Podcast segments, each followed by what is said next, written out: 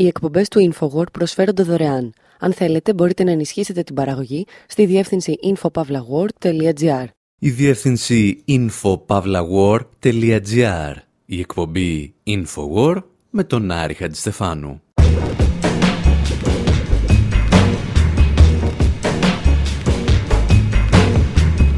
Όπου σήμερα συζητάμε για κάτι μαφιόζους που κυριάρχησαν εκεί όπου κάποτε μεσουρανούσαν κάτι τροτσκιστές.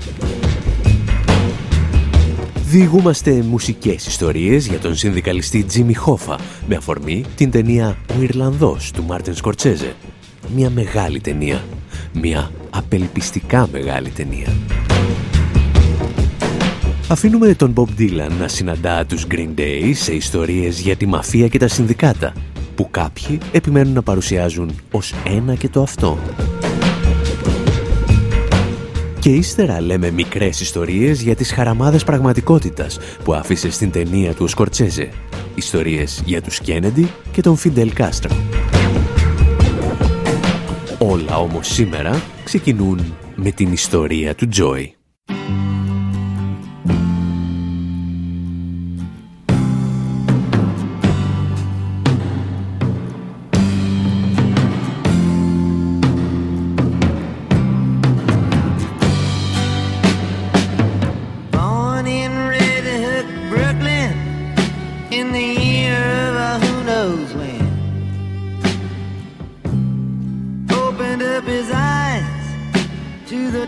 of an accordion. Always on the outside of whatever side there was. When they asked him why it had to be that way.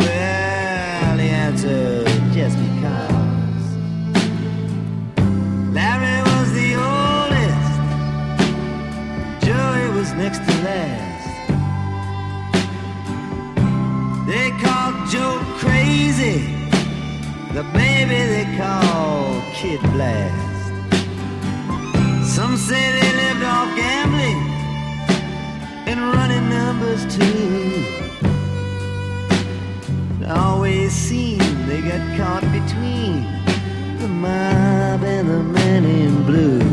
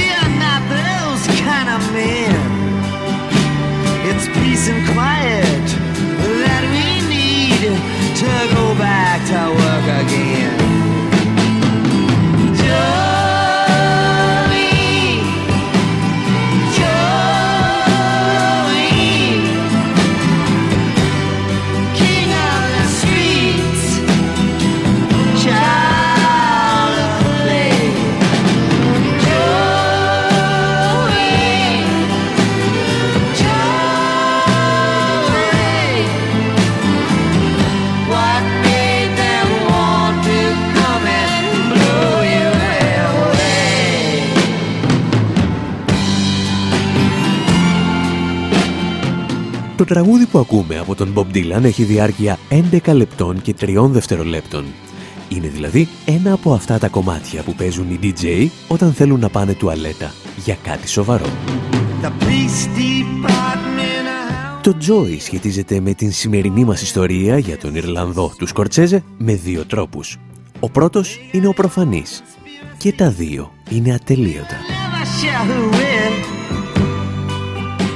Για την ιστορία, το καλύτερο σχόλιο για τον Ιρλανδό του Σκορτσέζε το διαβάσαμε στο Facebook.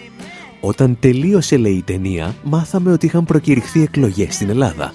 Ο γιος του Αλέξη Τσίπρα θα αντιμετώπιζε στις κάλπες τον γιο του Κυριάκου Μητσοτάκη. Ο δεύτερος, σημαντικότερος και σοβαρότερος λόγος για τον οποίο ακούμε και ακούμε και ακούμε αυτό το τραγούδι είναι γιατί διηγείται την ιστορία ενός εκ των ηρώων του Σκορτσέζε, του μαφιόζου Τζόζεφ Γκάλο, γνωστού με το όνομα «Ο Τρελός Τζο», γιατί είχε διαγνωστεί με σχιζοφρένεια. Τα εξηγούσε άλλωστε και ο Ντενίρο στην ταινία. He was known downtown as Joey the Blonde, but everybody, especially the newspapers, oğlum. Crazy Joe. Στην πόλη τον έλεγαν ο Ξαρθό Τζόι, αλλά όλοι οι άλλοι και μαζί οι εφημερίδες τον αποκαλούσαν Τρελός Τζο. Ποιος άλλος κυκλοφορούσε με ανθρώπους του θεάματος και είχε φωτογραφίες του να εμφανίζονται σε όλες τις εφημερίδες, τραβούσε την προσοχή επάνω του και σε όποιον βρισκόταν γύρω του. Τι ήταν αυτά τα πράγματα; Ποιος νόμιζε ότι ήταν; Ο Έρον Φλίν δεν έδινε δεκάρα. Όταν ήταν μικρότερος, απήγαγε το αφεντικό της μαφίας για το οποίο δούλευε. Δεν ξέρω πώς τη γλίτωσε. Κανείς δεν γλιτώνει από αυτά. Αν το κάνεις, πεθαίνεις.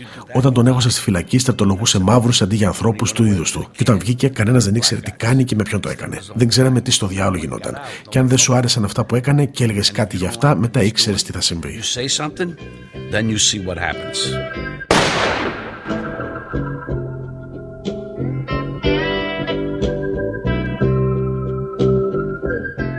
Ο Τζόι είχε τα δικά του στοιχηματζίδικα, αλλά και μυστικές βιοτεχνίες, όπου εργάζονταν γυναίκες και μικρά κορίτσια σε συνθήκες οριακά μισθωτής σκλαβιάς. Και έκτοτε όλοι αναρωτιούνται γιατί ο Μπομπ Ντίλαν έγραψε ένα διθυραμβικό τραγούδι για αυτό το καθίκι.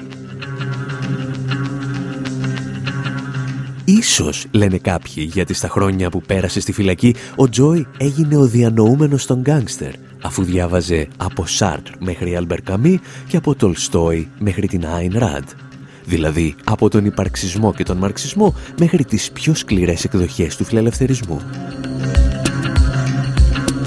Ίσως πάλι ο Τζόι να άρεσε στον Μπομπ Ντίλαν γιατί όταν τον κάλεσε ο Ρόμπερτ Κένεντι να καταθέσει για τις σχέσεις του με τη μαφία, αυτός φλέρταρε με τη γραμματέα του. Και όταν τελείωσε, είπε στον Κένεντι ότι η μοκέτα όπου κάθονταν είναι εξαιρετική για μπαρμπούτι. Mr. Gallo, do you have an opening statement? Yeah.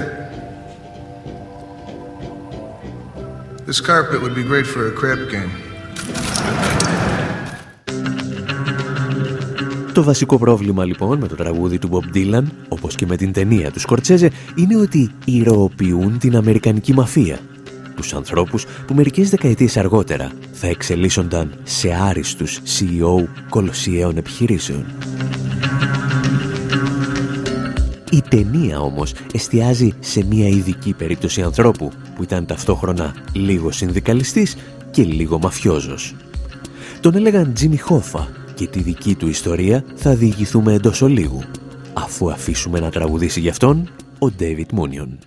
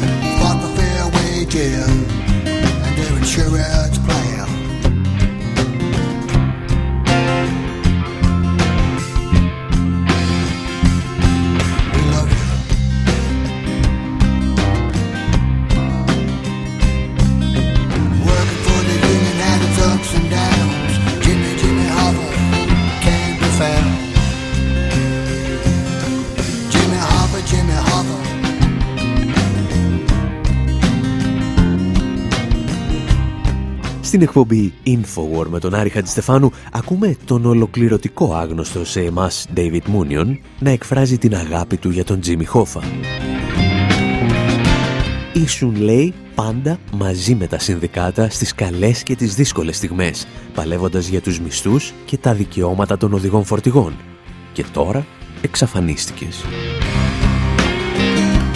Η συγκεκριμένη διατύπωση είναι θεωρητικά ακριβής, αφού ο Χόφα και ήταν συνέχεια με τα συνδικάτα και έδινε μάχες για τους μισθούς και τελικά εξαφανίστηκε μυστηριωδώς από το πρόσωπο της γης. Το πρόβλημα είναι ότι το τραγούδι παραλείπει τις σχέσεις του Τζίμι Χόφα με την Αμερικανική μαφία. Κυρίως δηλαδή το γεγονός ότι η μαφία χρησιμοποιούσε τα ασφαλιστικά ταμεία των οδηγών φορτηγών και άλλων συνδικάτων σαν μια τράπεζα χαμηλότοκου δανεισμού. Και κάπως έτσι χτίστηκαν μεταξύ άλλων τα καζίνο του Las Vegas και ήρθε η ανάπτυξη. Back then you couldn't go to regular banks because the money was for gambling. Εκείνη την εποχή δεν μπορούσες να πας σε μια κανονική τράπεζα και να ζητήσεις χρήματα αν τα ήθελες για τζόγο. Ειλικρινά σας το λέω, τότε δεν μπορούσες. Τι έκανε λοιπόν η μαφία, πήρε χρήματα από τους Teamsters. Αυτοί μεσολάβησαν και έδωσαν τα χρήματα με τα οποία χτίστηκε το Las Vegas. Γίνονταν περισσότερες business από όσες μπορούσε κάποιος να διαχειριστεί.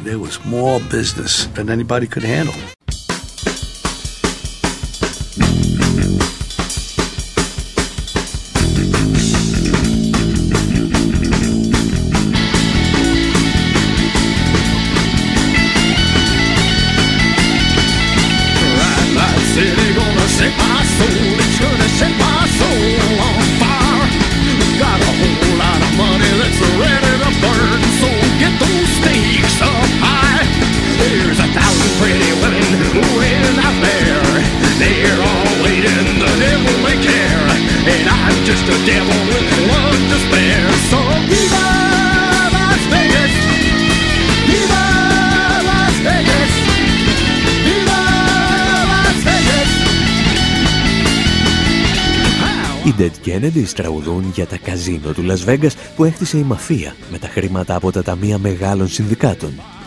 Συγκρατήστε τις λέξεις Kennedy και μαφία γιατί θα τις χρειαστούμε στο δεύτερο μέρος της εκπομπής. Προς το παρόν μας ενδιαφέρει πως έφτασε ένα από τα μαχητικότερα συνδικάτα στην αμερικανική ιστορία του 20ου αιώνα να συνεργάζεται με το οργανωμένο έγκλημα. Και όταν απαντήσουμε σε αυτό το ερώτημα ίσως να καταλάβουμε γιατί το Hollywood όταν ασχολείται με τα συνδικάτα θυμάται μόνο τον Τζίμι Χόφα και τίποτα άλλο από τις λαμπρές ημέρες του εργατικού κινήματος στις Ηνωμένες Πολιτείες. Για όλα αυτά όμως πρέπει να επιστρέψουμε στην Αμερική του τέλους του 19ου αιώνα.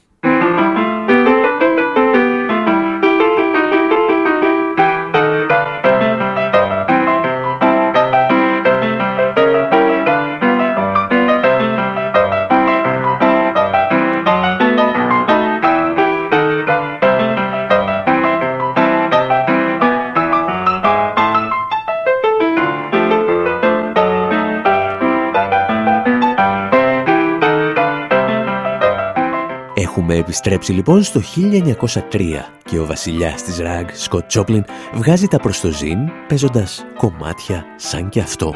Για την ακρίβεια τα βγάζει και δεν τα βγάζει, αφού εκείνη τη χρονιά του κατάσχεσαν για χρέη την πρώτη όπερα που έγραψε με τίτλο Guest of Honor. Και έκτοτε δεν την ξαναβρήκαμε ποτέ. Την ίδια χρονιά όμως, μια άλλη εξέλιξη θα αλλάξει τα πάντα για κάποιους άλλους εργαζόμενους. Το 1903 δημιουργείται η Διεθνής Αδελφότητα των Teamsters από τη συνένωση δύο παλαιότερων συνδικάτων οδηγών φορτηγών. Για την ιστορία, Teamsters ήταν οι υπάλληλοι που οδηγούσαν κοπάδια αλόγων τα οποία έσερναν βαγόνια.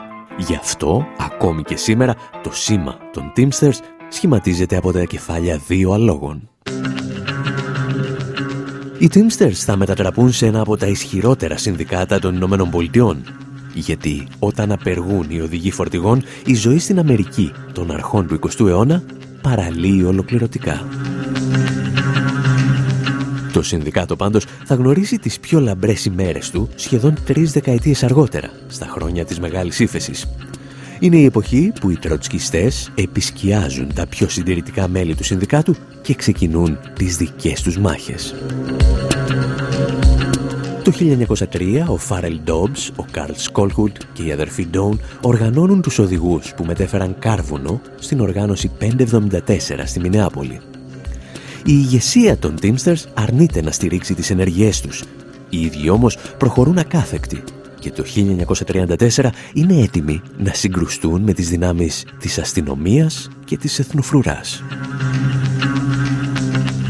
Και φυσικά τα μέσα ενημέρωσης της εποχής τους αντιμετώπιζαν όπως τα αντιμετώπιζαν και σήμερα κάθε μαχητική απεργία, με ιστερικό μίσος και κρυφό φόβο.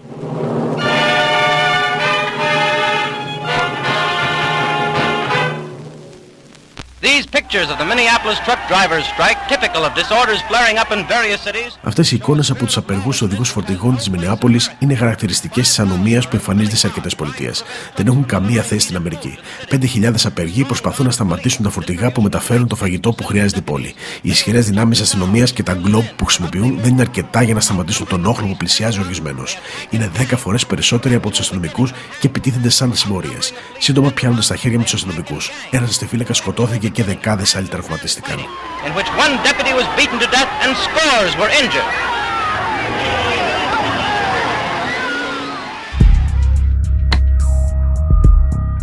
Και αφού ακούσατε τους παπαγάλους στα επίκαιρα της εποχής, θα μας επιτρέψετε να ξαναπούμε την ίδια ιστορία και με δικά μας λόγια. Το μέγεθος της κινητοποίησης των απεργών είναι πρωτοφανές στη Μινεάπολη, αφού μπλοκάρει τις μεταφορές προϊόντων σε όλες τις μεσοδυτικές πολιτείες. Ο κυβερνήτης Φλόιντ Όλσον επιβάλλει στρατιωτικό νόμο και κατεβάζει δυνάμεις του πεζικού στο κέντρο της πόλης. Η αστυνομία πυροβολεί εμψυχρό τους άοπλους διαδηλωτές.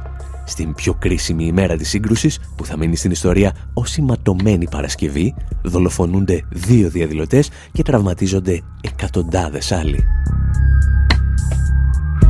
Η απεργία όμως στέφεται με επιτυχία.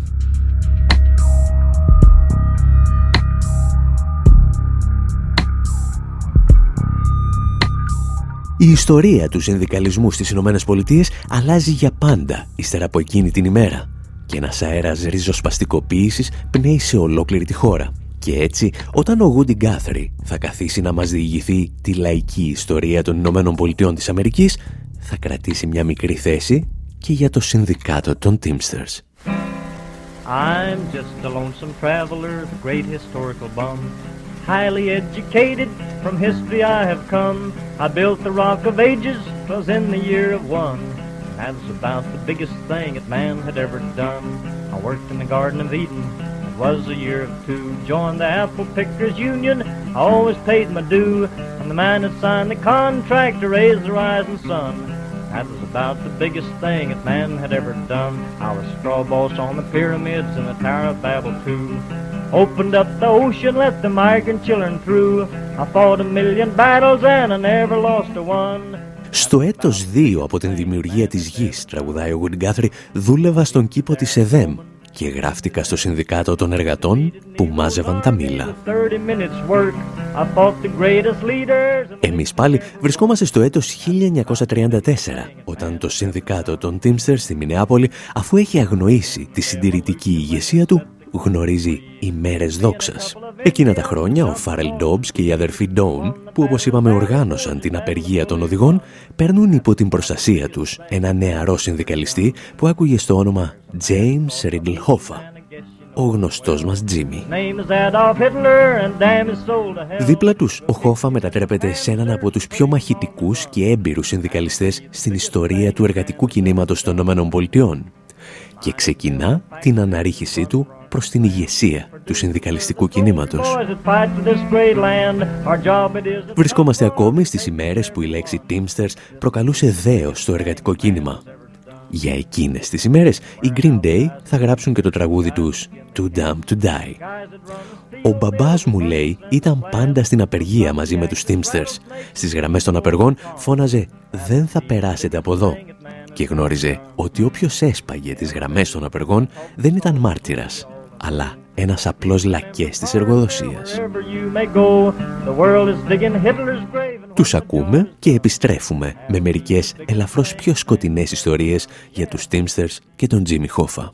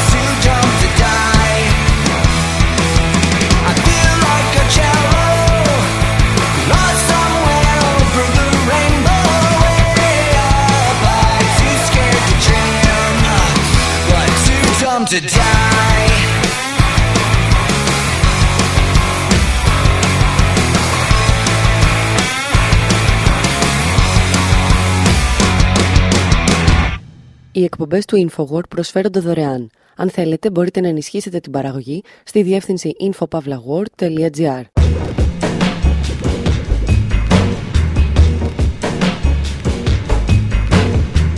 Εκπομπή InfoWord, μέρος δεύτερο όπου αναζητούμε ιστορικές αλήθειες στην ταινία «Ο Ιρλανδός» του Μάρτιν Σκορτσέζε Είδαμε το συνδικαλιστικό κίνημα των Teamsters να ανδρώνεται με την καθοδήγηση τροτσκιστών συνδικαλιστών στη Μινεάπολη. Και από τις στάχτες αυτής της μάχης να γεννιέται η περσόνα του Τζίμι Χόφα. Τα πράγματα όμως θα αλλάξουν μετά τη δεκαετία του 60, όταν το Συνδικάτο των Οδηγών Φορτηγών ζει ημέρες ηθικής παρακμής. Και ο Τζίμι Χόφα γίνεται σύμβολο της διαφθοράς, που φέρνει την ηγεσία του Συνδικάτου κοντά στο οργανωμένο έγκλημα.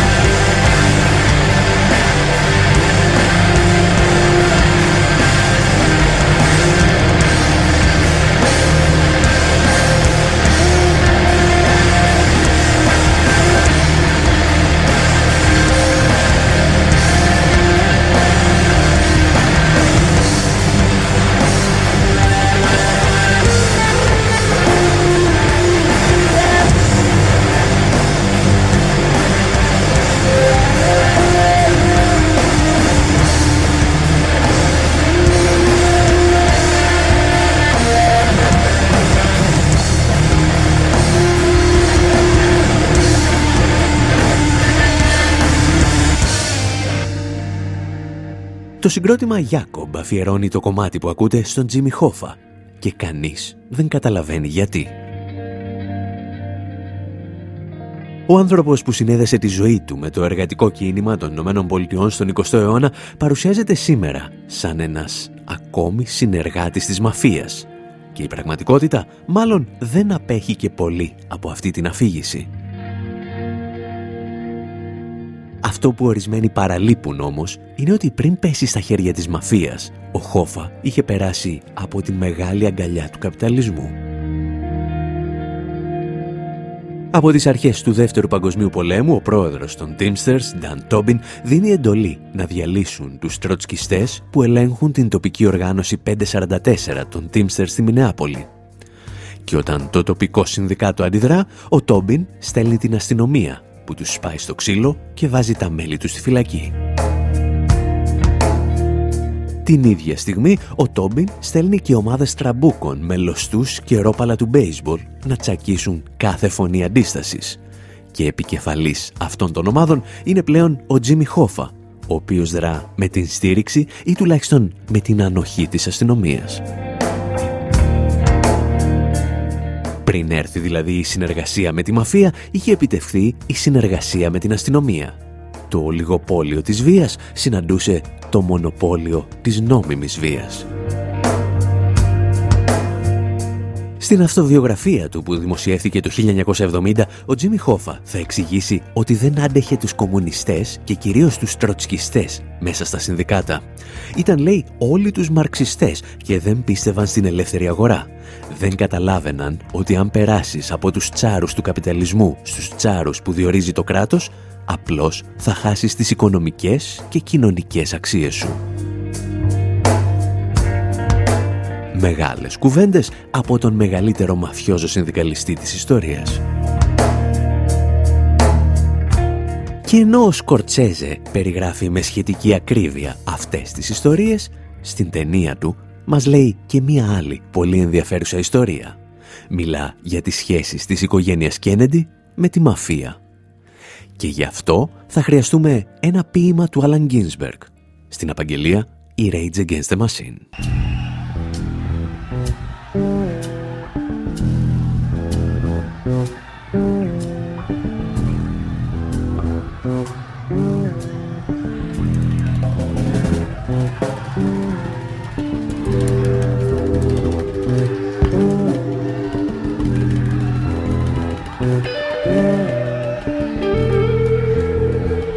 Like a bunch of frat boys at summer camp and shit.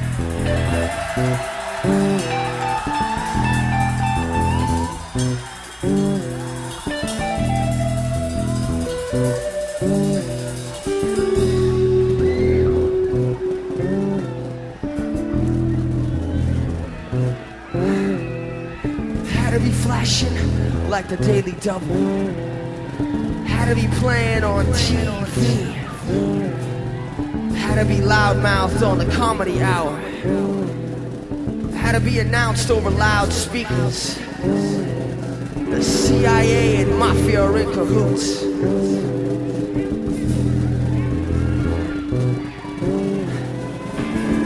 It had to be said in old ladies' language. It had to be said in American headlines. And Kennedy stretched and smiled and got double crossed by low-life goons and agents. Rich bankers with criminal connections. Dope pushers in CIA working with dope pushers from Cuba working with big-time syndicate in Tampa, Florida.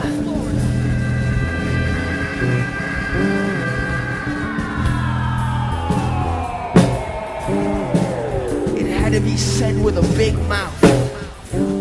It had to be moaned over factory foghorns. It had to be chattered on car radio news broadcast. It had to be screamed in the kitchen. It had to be yelled in the basement when uncles were fighting. It had to be howled on the streets by newsboys to bus conductors. Had to be foghorned in the New York harbor had to echo under hard hats. Had to turn up the volume in the university ballrooms. Had to be written in library books, footnoted. Had to be in the headlines of the Times and Lamar. It had to be barked over TV. Had to be heard in side alleys through ballroom doors. It had to be played on wire services. To be bells ringing. Comedians stopped dead in the middle of a joke in Las Vegas. Had to be FBI Chief J. Edgar Hoover and Frank Costello's syndicate mouthpiece meeting in Central Park, New York together weekends, reported Time magazine. Had to be the mafia and the CIA together. Started a war on Cuba. Bay of Pigs and poison assassination headlines. Had to be the dope cops and the mafia. Sold all that heroin in America. Had to be the FBI and organized crime working in together in cahoots against the commies.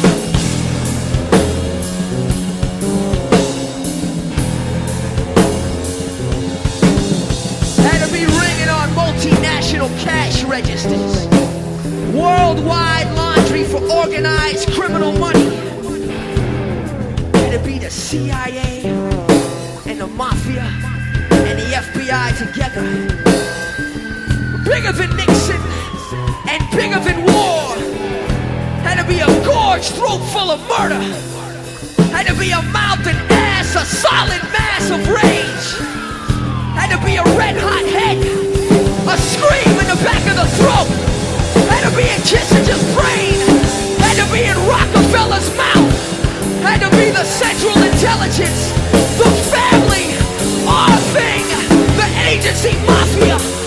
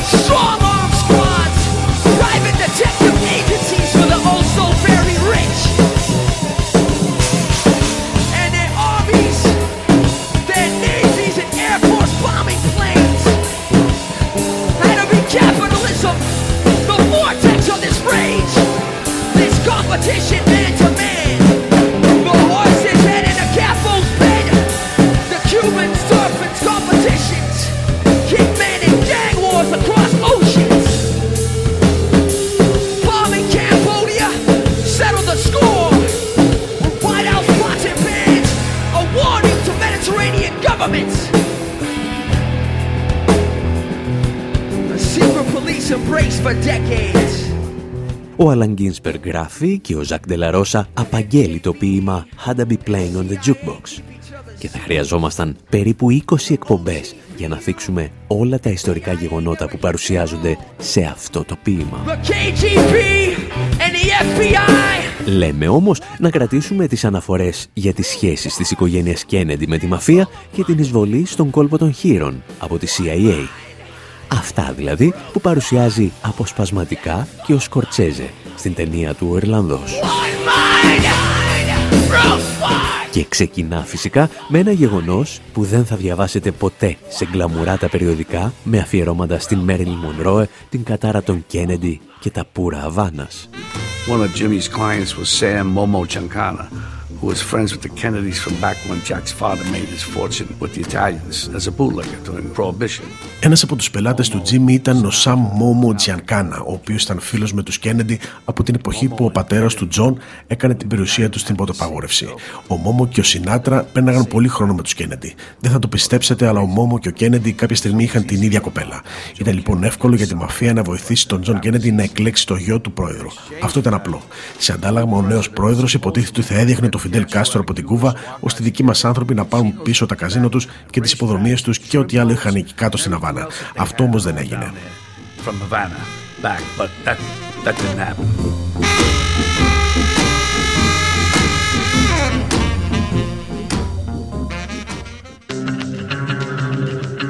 Ο Ντενίρο συνοψίζει με επάρκεια την ιστορία της οικογένειας Κένεντι από την εποχή που στήθηκε στα πόδια της στα χρόνια της ποταπαγόρευσης μέχρι τη στιγμή που έβαλε ένα μέλος της στο Λευκό Οίκο με τη βοήθεια της μαφίας. Για αυτές τις ιστορίες όμως θα μας επιτρέψετε να σας δώσουμε μερικές ακόμη πληροφορίες που είχαμε πει και στο παρελθόν.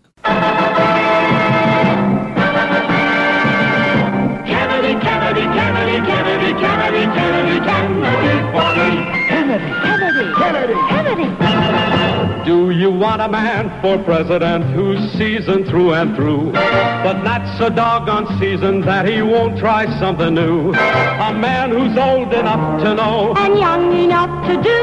Well, it's up to you, it's up to you, it's strictly up to you. But it's Kennedy, Kennedy, Kennedy, Kennedy, Kennedy, Kennedy, Kennedy, Kennedy, Kennedy, Kennedy. Οι κάλπες στα εκλογικά κέντρα όλης της χώρας έχουν κλείσει εδώ και ώρες και στα τυπογραφία των New York Times εκατοντάδες λίτρα μελανιού σχηματίζουν τον πρωτοσέλιδο τίτλο της επόμενης ημέρας. Ο Κένεντι εξελέγει πρόεδρος. Ο διευθυντής σύνταξης, Τέρνερ Κάτλετς, είχε δώσει τον τελικό τίτλο και μπορούσε να απολαύσει ήσυχος το ουίσκι του μέχρι που ένιωσε τη γη να χάνεται κάτω από τα πόδια του. Τις πρώτες πρωινές ώρες, καθώς αρχίζουν να καταφθάνουν τα συγκεντρωτικά από τις αγροτικές περιοχές, ο χάρτης των Ηνωμένων Πολιτειών βάφεται κόκκινος. Το κόκκινο των Ρεπουμπλικάνων. Το κόκκινο του Ρίτσαρτ Νίξον.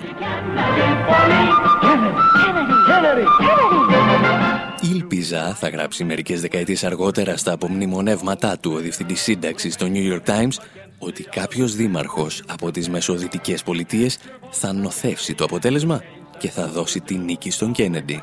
Και ως γνωστόν, όταν επιθυμείς κάτι πάρα πολύ, κάποιος πρέπει να βάλει το χέρι του να σε βοηθήσει. Γιατί αν περιμένεις από το σύμπαν, θα καταλήξεις κάπου στην αριστερά της ευθύνης να διαβάζεις Κοέλιο. Και αυτός που λέγεται ότι έβαλε το χέρι του εκείνο το βράδυ ήταν η Αμερικανική μαφία.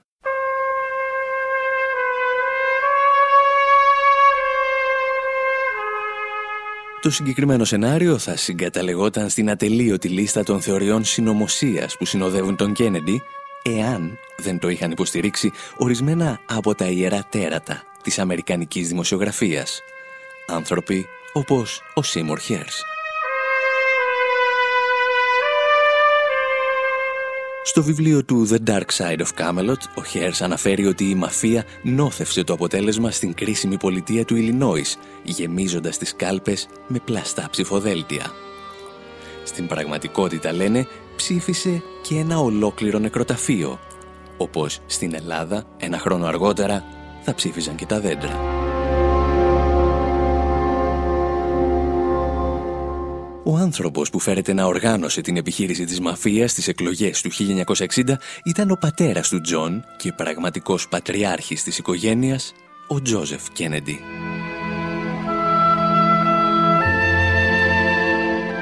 Ο Τζόζεφ ακολουθούσε παράλληλους δρόμους με τη μαφία από την εποχή της ποτοαπαγόρευσης, όταν εισήγαγε παράνομα αλκοολούχα ποτά από την Ευρώπη και τον Καναδά. Ο πατέρας του Τζον Κένεντι έζησε την εποχή όπου αρκετοί από τους πυλώνες του Αμερικανικού κράτους ελέγχονταν ουσιαστικά από την ιδιωτική δράση της μαφίας, Όπως εξηγούσε άλλωστε και ο Βρετανός ιστορικός Eric Hobsbawm, το πέρασμα από την κρατική στην ιδιωτική βία είναι μια παράδοση τόσο αμερικανική όσο και ημιλόπιτα. Το 1960 τα συνδικάτα του εγκλήματος αναζητούσαν απεγνωσμένα τους κατάλληλους πολιτικούς που θα προστάτευαν τα συμφέροντά τους εντός και εκτός των Αμερικανικών συνόρων και μία από τις περιοχές του πλανήτη στις οποίες απαιτούνταν η άμεση προβολή της Αμερικανικής ισχύως ήταν και η Κούβα. Για να καταλάβουμε όμως τι ακριβώς είχε συμβεί, θα πρέπει να γυρίσουμε στη δεύτερη συνέχεια της ταινίας «Ο Νονός» του Francis Ford Coppola. Μας τα εξηγούσε παλαιότερα το ντοκιμαντέρ Outfoxed. In the great 1974 film The Godfather 2, στην δεύτερη συνέχεια της περίφημης ταινίας Ο Νονός υπάρχει μια σκηνή στην οποία οι μεγαλύτεροι γκάγκστερ της Αμερικής συγκεντρώνονται σε μια ταράτσα στην Αβάνα της Κούβας. Είναι τα 67 γενέθλια του Ροθ και αυτός δίνει από ένα κομμάτι της τούρτας σε κάθε γκάγκστερ. Λέει, Εσύ Λούι από το Σικάγο θα πάρεις την Κόπα Καμπάνα. Φράγκη θα πάρεις τις Ιερόδουλες. Μοιράζει το νησί σε να είναι και αυτό μια τούρτα. Και καθώς κόβει τα κομμάτια, λέει την εξής φράση. Δεν είναι εκπληκτικό να ζει σε μια χώρα όπου η κυβέρνηση σέβεται την ιδιωτική πρωτοβουλία πρωτοβουλία. Isn't it great to be in a country with a government that respects private enterprise? Όπως ήταν αναμενόμενο, οι αρχηγοί της μαφίας δεν συγχώρεσαν ποτέ στην επαναστατική κυβέρνηση του Φιντέλ Κάστρο ότι έκλεισε τα καζίνο και τους οίκους ανοχής που αυτοί είχαν ανοίξει, ξοδεύοντας εκατομμύρια δολάρια βρώμικου χρήματος. Ο Φιντέλ, αμέσως μόλις κατέλαβε την Αβάνα, έστησε το αρχηγείο του στο ξενοδοχείο Χίλτον και για να αποδείξει στους πρώην ιδιοκτήτες τι γνώμη είχε για τις επενδύσεις τους, άδειασε μερικά φορτηγά με γουρούνια στο πολυτελέστατο λόμπι του ξενοδοχείου Ριβιέρα. Κάποιος έπρεπε λοιπόν να αναλάβει την προστασία των Αμερικανικών επενδύσεων στο νησί και δεν ήταν λίγα τα ανώτατα στελέχη των συνδικάτων του εγκλήματος που πίστεψαν ότι αυτός ο κάποιος θα μπορούσε να είναι ο Τζον Κέννεντι. Οι επιτελείς του State Department και της CIA σκαρφίζονταν τις πιο ανόητες επιθέσεις εναντίον του Φιντέλ Κάστρο. Μεταξύ άλλων, σκέφτονταν να τοποθετήσουν εκρηκτικά στα πούρα του και να ρίξουν ουσίες που θα έκαναν το μούσι του να μαδίσει. Ελαφρώς πιο σοβαρός ο Κέννεντι αποφασίζει να μείνει πιστός στην αμερικανική παράδοση των στρατιωτικών εισβολών και διατάσσει τη CIA να προετοιμάσει την περίφημη εισβολή στον κόλπο των χείρων. Cuban Army pilots opened the first phase of organized revolt with bombing raids on three military bases. Το πρόβλημα ήταν πως όταν τα αμερικανικά επίκαιρα άρχισαν να μεταδίδουν τις πρώτες πληροφορίες για την εισβολή στον κόλπο των χείρων, η μάχη είχε ήδη χαθεί. Οι Ηνωμένες Πολιτείες είχαν υποστεί μια από τις πιο ταπεινωτικές ήττες στην ιστορία του 20ου αιώνα. Για την ιστορία στην οργάνωση της επιχείρησης είχε συμμετάσχει και η εταιρεία United Fruit Company, πρόγονος της σημερινής εταιρείας Chiquita. Εκείνη την εποχή η εταιρεία συνεργαζόταν με την πετρελαϊκή εταιρεία Zapata, διευθυντής της οποίας ήταν κάποιος κύριος George Bush, ο άνθρωπος που μεταξύ άλλων θα γίνει αργότερα διευθυντής της CIA και πρόεδρος των Ηνωμένων Πολιτειών. Όλο τυχαίω η εισβολή στον κόλπο των χείρων πραγματοποιήθηκε ακριβώς στο σημείο όπου πραγματοποιούσε έρευνες για πετρέλαιο η εταιρεία Zapata. Αυτή η επιχείρηση του George Bush, έγραφαν πριν από χρόνια οι Los Angeles Times, ενδέχεται να αποτελούσε βιτρίνα της CIA στην Κούβα. Και κάπως έτσι συνδέονται οι μπανάνες των Ramones με τους πράκτορες και μετέπειτα διευθυντές της CIA.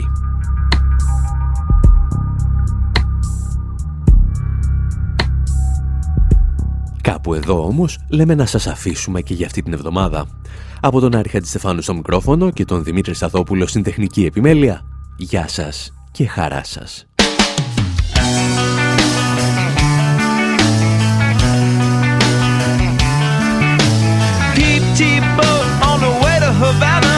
I used to make a living man picking the banana. Now I'm a guy for the CIA. USA. Baby, baby, make me loco. Baby, baby, make me.